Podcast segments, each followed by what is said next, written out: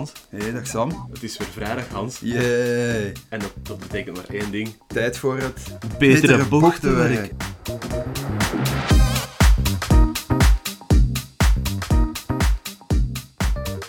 En het is een speciale editie vandaag, want we hebben een gasten. Dag Sylvia. Dag Sylvia. Hallo. Welkom hier in onze opnamestudio. Welkom, ja. Sylvia is, eh, is co-founder, founder van eh Riflebird. Klopt. Ja.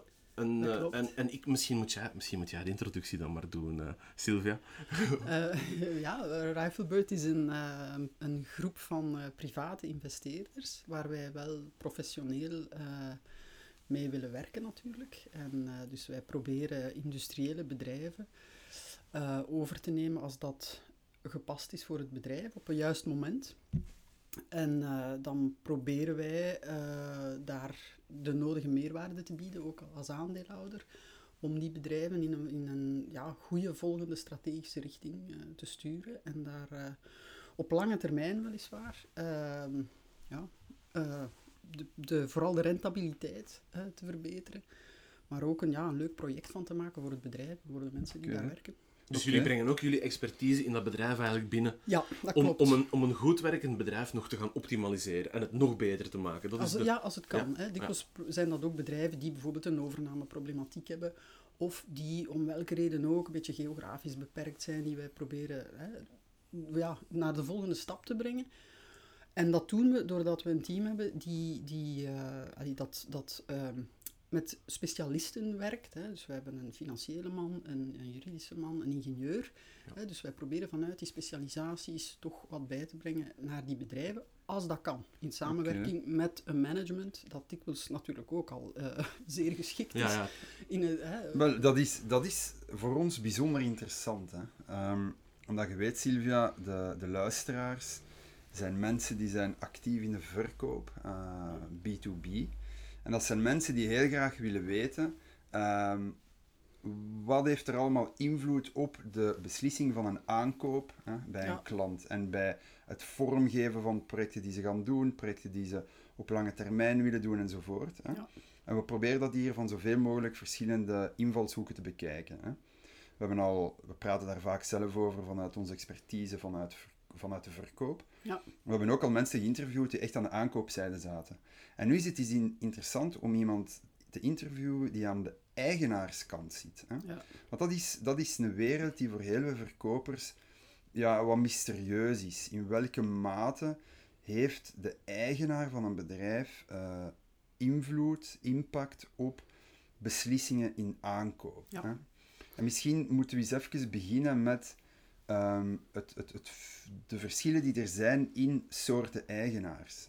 Ehm, Ja. Wat zijn voor u daar de grote categorieën in?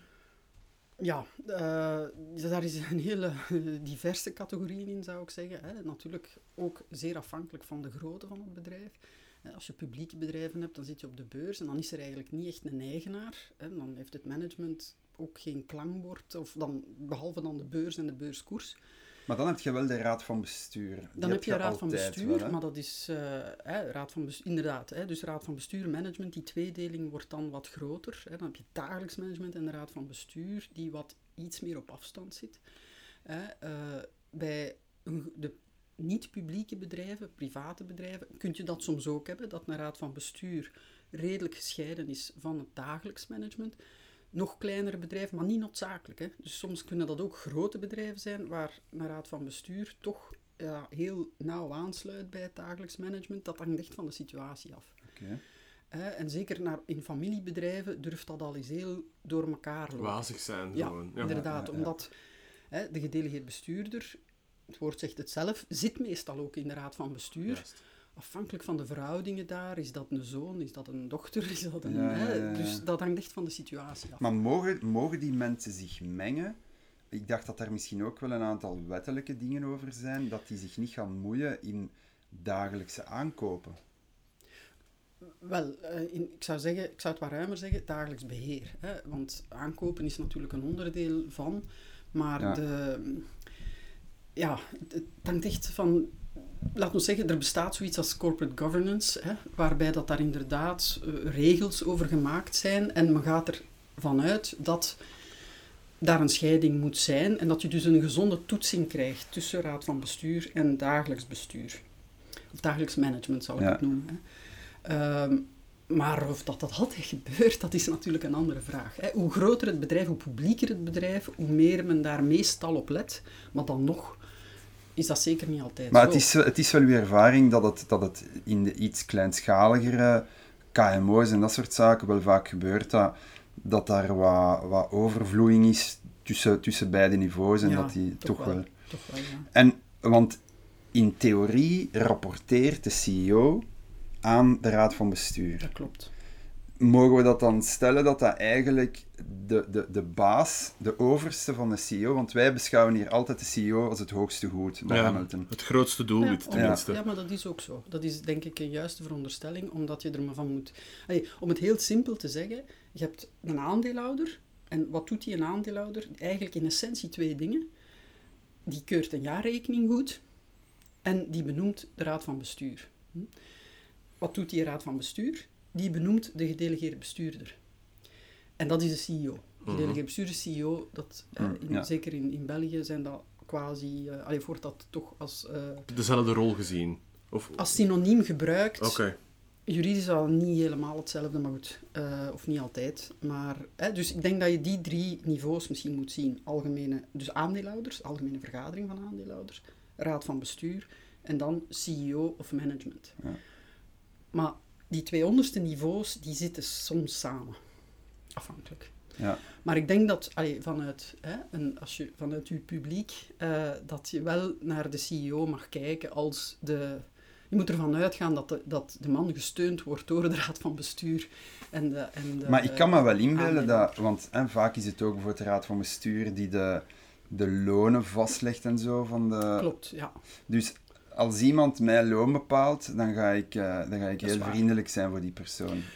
Kijk, in, in, een- in een goed eh, werkend bedrijf is het... eh, ja, is, is de goede samenwerking tussen die niveaus cruciaal. Ja, Hè? En, en, en wij als aandeelhouder letten daar ook op, dat dat vlot gaat. En dat, en dat is eigenlijk eh, in die zin sterk, eh, of, of dat gaat iets makkelijker als iedereen dezelfde strategie heeft van waar moet dit bedrijf naartoe. ja, ja, ja. Hè? En dan is het natuurlijk wel nuttig dat iedereen zijn rol speelt.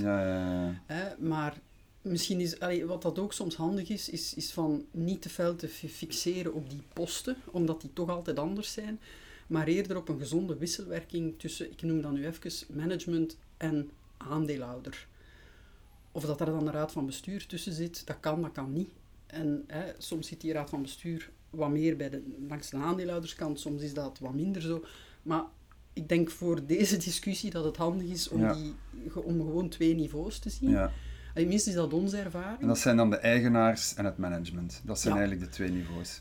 En, en wat is belangrijk in die wisselwerking? Een eigen, allee, of, hè, dat een eigenaar voldoende afstand houdt, zodanig dat je ook wat verder vooruit kijkt, hè, eh, grotere strategische lijnen ziet, dat die natuurlijk wel gekend en besproken zijn, maar dat management zit dagdagelijks in dat bedrijf en moet dat ook doen. Waardoor dat ze soms, hè, een beetje gelijk de renners, te fel met de neus op het stuur zitten Ja, ja. en niet de tijd hebben om eventjes in de verte te kijken. Zeg, en, en kunt je eens een, een, een voorbeeld geven van... Een, een, we spreken altijd over aankoop, Ja. projecten, daar, daar gaan we het vandaag over hebben, waar dat een, Ja. waar dat een typische raad van bestuur zich zeker niet mee zal bezighouden. En eentje waar dat ze zich hoogstwaarschijnlijk wel mee zouden bezighouden. En zoiets wat typische wat op de, op de, op de Ja, wip zit. ja dat, is een, dat is een hele goede vraag.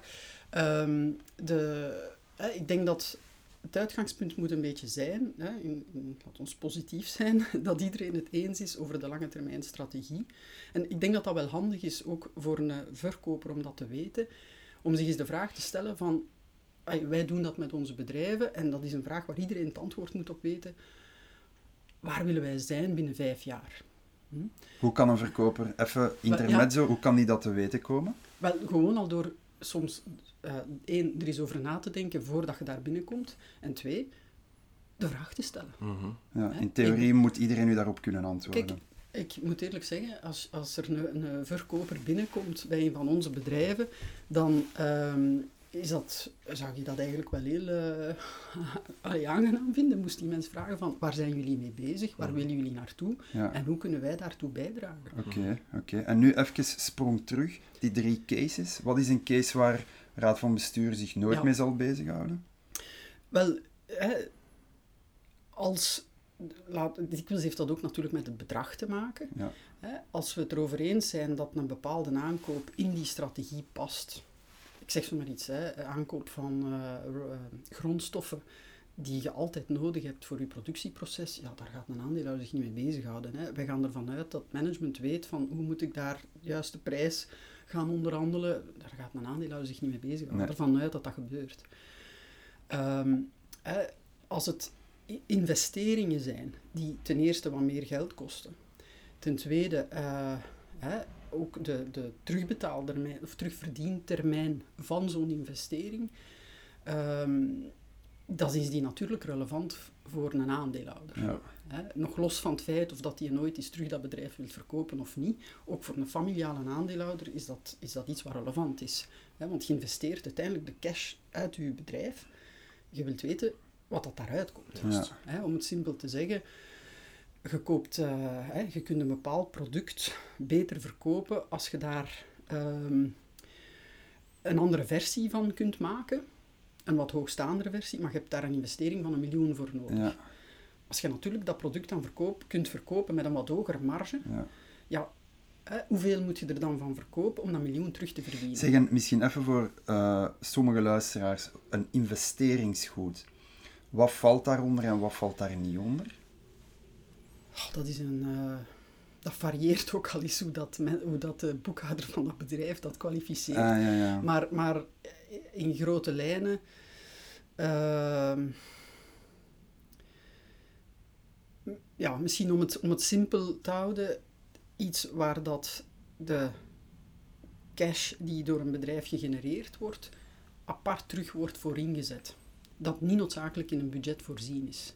Ja, oké. Dus dat iets is wat niet nodig is ja. om, om operationeel te blijven. Want eigenlijk, als je die, ja. die Ja, uitgaven ja, ja. niet doet, kun je ook perfect blijven draaien. Het is dat, ja. Dus, Ja. ja. sorry, je hebt gelijk. Ja, Ja. Dus als je bijvoorbeeld, hè, eh, ik zeg zomaar iets, gemaakt fietsen, pak, enfin, dat is nu misschien geen, geen goed B2B voorbeeld, je maakt een machine, Ja, je weet dat je daar een motor moet insteken. Dus Ja. je weet, als ik ongeveer mijn omzet probeer in te schatten, dat je zoveel motoren moet kopen per jaar.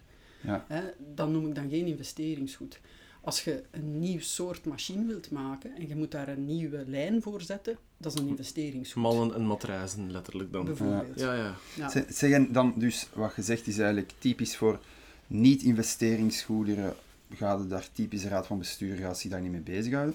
Dingen die meer naar investeringen toe gaan, de- Ja. zodat je de payback en, en de net present value en dat soort dingen, Ja, daar gaan ze zich dan wel. Maar ik kan me inbeelden dat ook het bedrag daar vaak een rol ja, speelt. Want zelfs een investeringsgoed van 20.000 euro, daar gaat de raad van bestuur zich niet mee Klopt. bezighouden. Heb, kunt je daar iets, een lijn in trekken? Ja, Wel, misschien een voorbeeld. Dat, ehm, als het eh, over, over investeringsgoederen gaan die eigenlijk de, het bedrijf op lange termijn herpositioneren of toch een grote impact hebben op, op wat langere termijn. Om je een voorbeeld te geven, is, is energievoorziening. ja. Als je daar een, hè, een WKK beslist om daarin te investeren, dat zijn meestal zeer grote bedragen. Mhm. Ja, dat doe je niet zonder... En dat, dat moet gefinancierd worden. Misschien even verduidelijken. WKK. Ah. WKK, ja, dat, dat dat, kun jij, eh, kun jij beter verdu- uitleggen dan Ja, ik. Dat verduidelijk met plezier. Eh, WKK is een warmtekrachtkoppeling, is een eh, machine die geplaatst wordt zodat een fabriek of een ziekenhuis zijn Ja. eigen elektriciteit kan opwekken. Dank je Ja. wel. Hè, maar dus dat is een investering waar dat toch eens over nagedacht wordt, wat, waar ook, ook met een aandeelhouder, hè, omdat het heeft een impact op, op hoe dat je bedrijf ziet, hè, Ja. groene energie enzovoort. En, en dikwijls grote investeringen die ook gefinancierd worden, dikwijls met, met externe financiering, Ja. met banken en zo, die, die ja, het financiële plaatje van een bedrijf toch Mm. veranderen. Ja, ja, duidelijk. Nu, ik kan me wel inbeelden, want wat we soms tegenkomen is in de verkoop, is dat we, we spreken met een bepaald niveau. En die mensen zijn overtuigd en die zien daar ook voor hun duidelijk de, de baten van, hè, Ja. van met u in zee te gaan. Alles lijkt goed te gaan en ineens komt daar van hogeraf ineens een, eh, een full stop. Nee, dit past niet in de strategie. En dat dat een typisch Ja. scenario is wat we als verkoper moeten proberen te vermijden. Ja, wel, maar ik kom terug bij mijn eerste punt. Ik zou op voorhand vragen wat de strategie is. Ja. Mhm. Maar kunnen we daar ook niet opnieuw, en we komen vaak tot dit besluit, Hmm. ehm, uit besluiten dat we moeten gaan praten op een voldoende hoog niveau. Hè? Ja, vaak is, het is Ja, mijn dat ervaring is dat vaak middelmanagement, met alle respect voor die mensen, niet zo goed op de hoogte is van, van echte strategie. Wel, het zou moeten zijn. Wel, ja. Eh, maar goed, ik neem aan, ja, inderdaad, als, als, als verkoper eh, heb je daar natuurlijk geen vat op. En kan ik mij inderdaad indenken dat je daar al eens mee geconfronteerd wordt. En ehm, dan is het wel handig om ja, goed te weten met wie je aan het praten bent. En of dat die mensen beslissingsbevoegdheid hebben of niet. Ja, ja, ja. Hè, En ik denk niet dat er veel mensen zijn die dat kwalijk nemen als je vraagt van hoe zit jullie beslissingsproces? Ja. Want dan kunnen wij daar ook op inspelen. Ehm, ik denk in het algemeen is het heel nuttig, of het nu een aandeelhouder, een raad van bestuur of een middelmanagement is, van als verkoper ja, heel open te zijn Ja. over, of vragen te stellen van hoe werken jullie, waar, hoe kunnen we jullie helpen? ja. Hè, eh, zodanig, want wat, dat middelmanagement die heeft dat ook niet graag, dat die worden afgeblokt. Hè. Nee, het is, ja. Dus als je dan kunt zeggen van, eh, moet u dat nog eens toetsen? Wat kan ik u aanleveren om te zorgen dat je die toetsing Juist, snel kunt doen? juist, juist. Dat, dat is voor die mensen tof, hè? Is strategie ook niet iets wat we typisch kunnen terugvinden in het jaarverslag? Of staat dat daar niet echt in? Niet noodzakelijk. Niet noodzakelijk.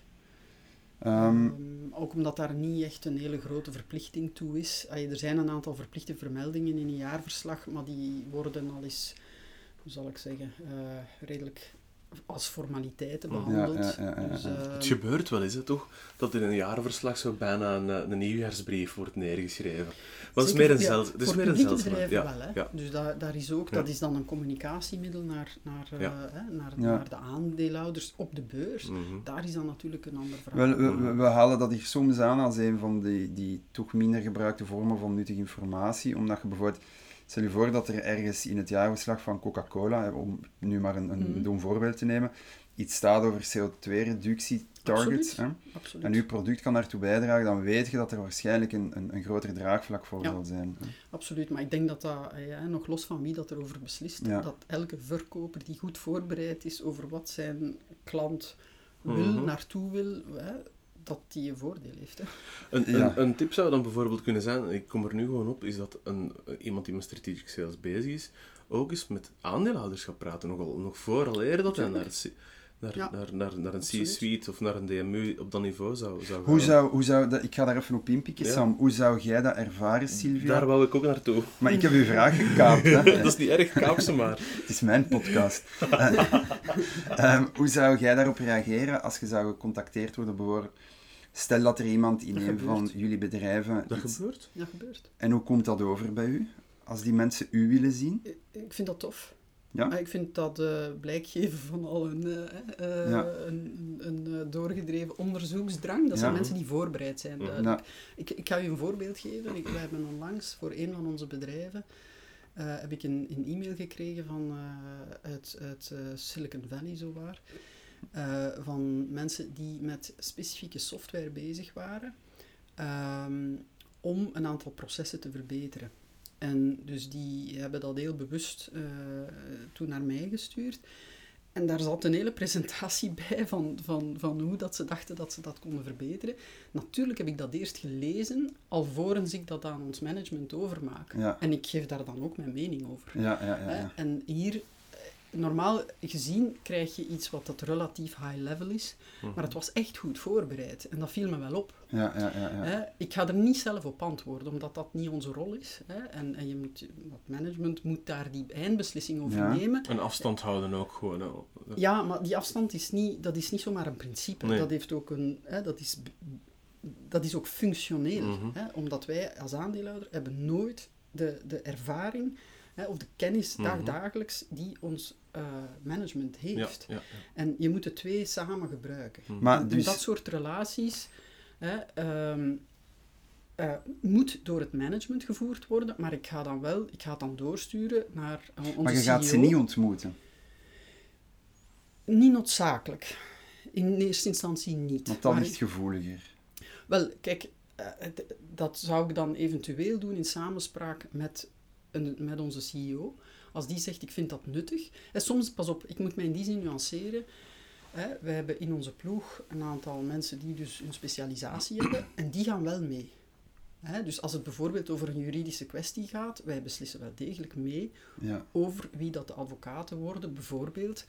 Hè, gewoon omdat je ze beter kunt inschatten. Hè, of, of onze ingenieur die zal dan meegaan, in specifieke gevallen wel. Ja, ja, oké. Maar dan is dat een dienste van het bedrijf met de CEO die daar de lead in houdt. Nu, ik kan me wel inbeelden, hè, want we spreken hier vaak over referrals, hè, introducties, Ja, dat er, is natuurlijk, ge- eh, dat er geen betere introductie kan zijn dat, je naar de. CEO stapt en zegt, goeiedag, ik moest u eens even contacteren van...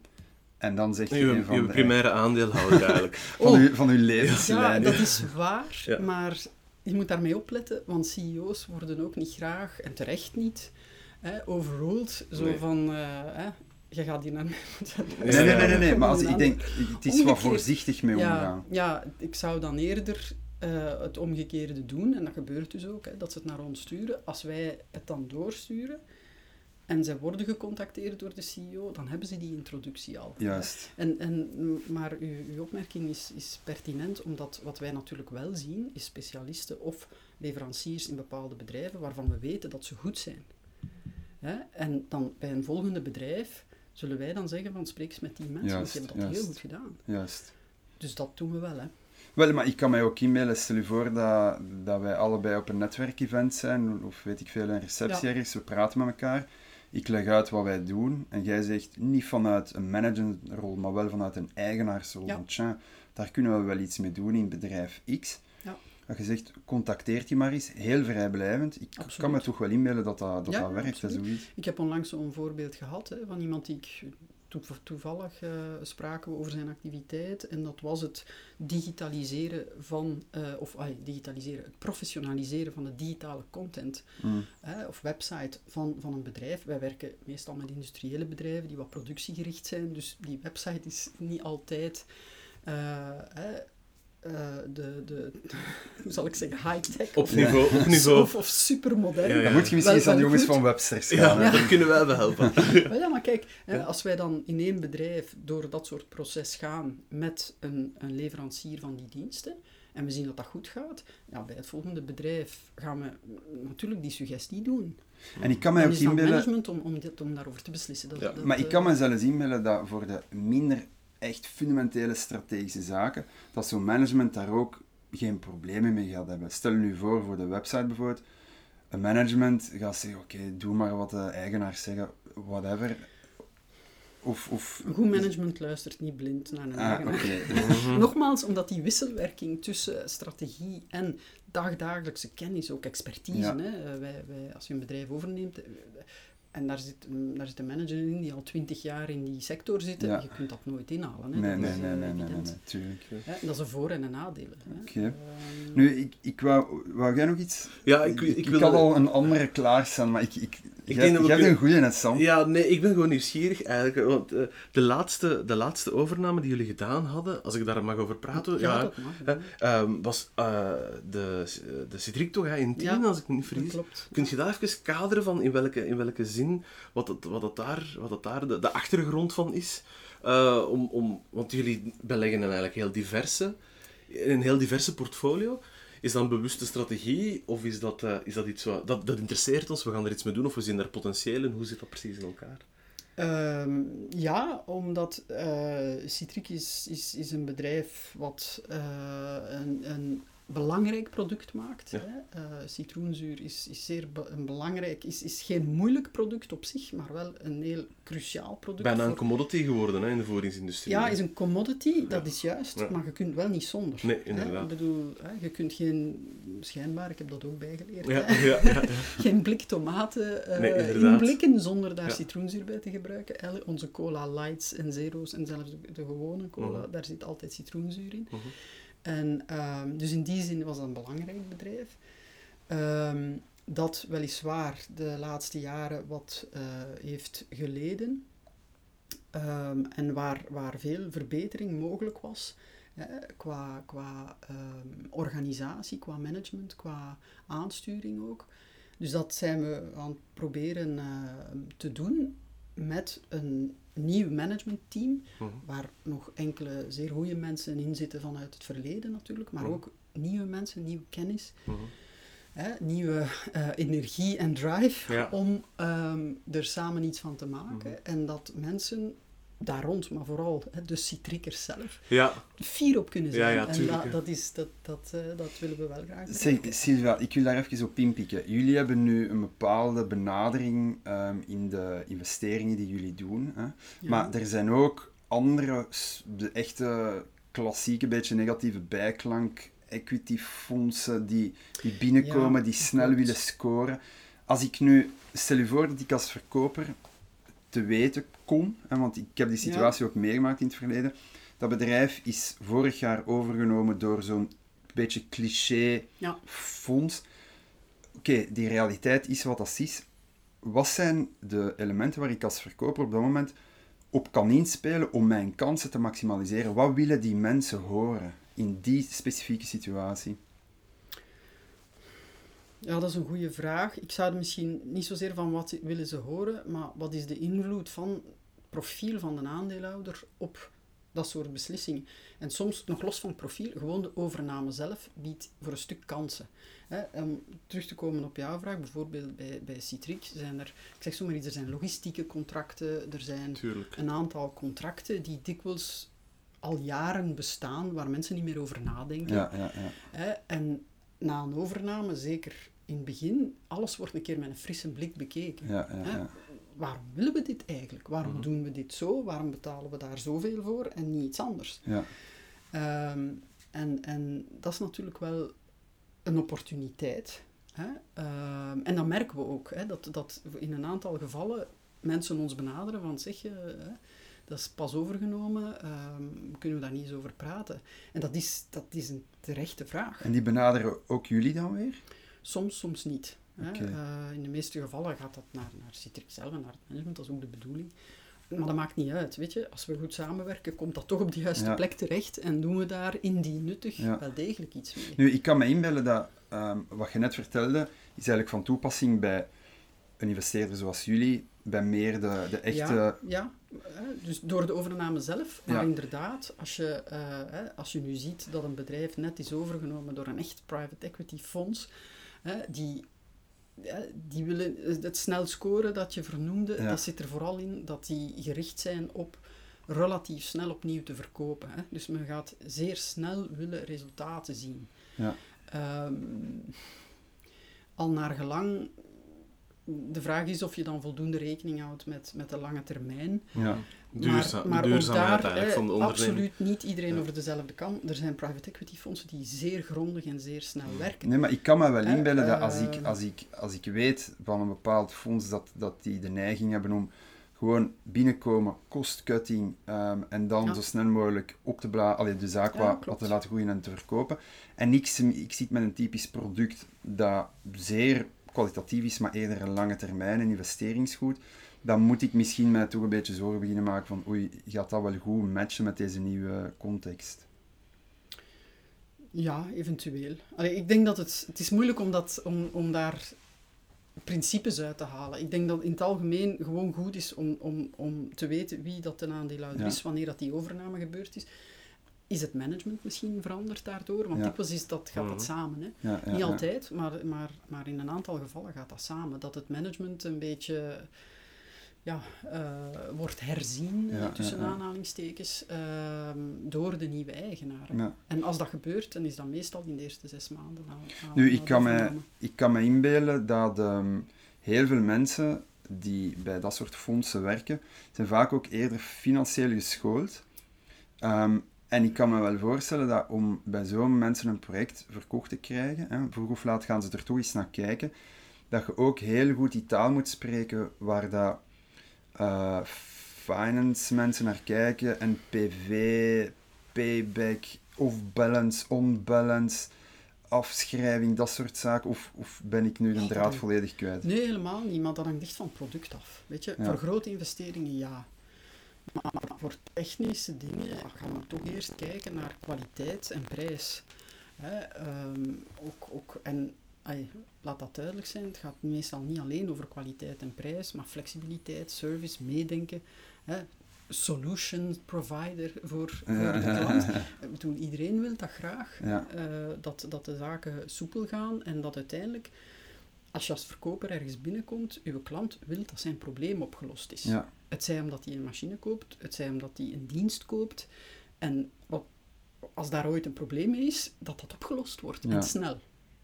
Dat wil, dat wil elke klant, onafhankelijk van het product. ja, natuurlijk. Dus hè, als het over grote investeringen gaat, heb je gelijk natuurlijk. Hè, die, die, die, die, die financiële dingen komen daarbij. En natuurlijk, als u, als uw gesprekspartner een financieel geschoold iemand is, is het, is het handig om, om, om aan te tonen van ja, als je van leverancier wisselt hè, en wij bieden u aan deze prijs, wat geeft u dat op langere termijn? Hè, Ja. Total cost of ownership. En dat is natuurlijk Toch wel ook de taal praten van de tegenpartij op dat moment. ja, maar vooral ken uw tegenpartij, hè, want voor Ja. hetzelfde geld is dan een ingenieur. In veel gevallen Het is laagste van het laagste. Maar nee, tegendeel. Hè. Ehm, in tegendeel, ik bedoel Ja, ja. het omgekeerd. Ja, ja. Die, die zeer technisch zijn Ja. en die, die, die, die willen vooral gerustgesteld worden Ja, ja, dat jij als verkoper weet waar dat je het over hebt. Hè. Ja, ja, ja, ja, Maar dit is ook belangrijk voor ons, wat we uit deze gesprek proberen te halen, is begrijpen van welk type van profiel dat, dat de mensen die wij coachen, die, de type van profiel dat zij tegenover zich Ja. eh, te krijgen. En, ik, want ik had een vraag, maar je hebt er eigenlijk al op geantwoord. Het komt eigenlijk neer op voorbereiding. Je moet gewoon weten tegen wie ga je ja. praten, wat willen die mensen precies horen, wat is die hun positie ten opzichte van de ownership van het bedrijf, ten, ten opzichte Ja. van, van de raad van bestuur van het bedrijf. En daar komt het eigenlijk zo'n beetje op neer. Mhm. En er, zijn, er zijn verschillende gespreksniveaus Mhm. en er wordt gewoon een verschillend niveau van voorbereiding Dat bij. is zo. Is dat een correcte samenvatting? Of generaliseer ja, je maar daar te nog, los van het niveau. Oké.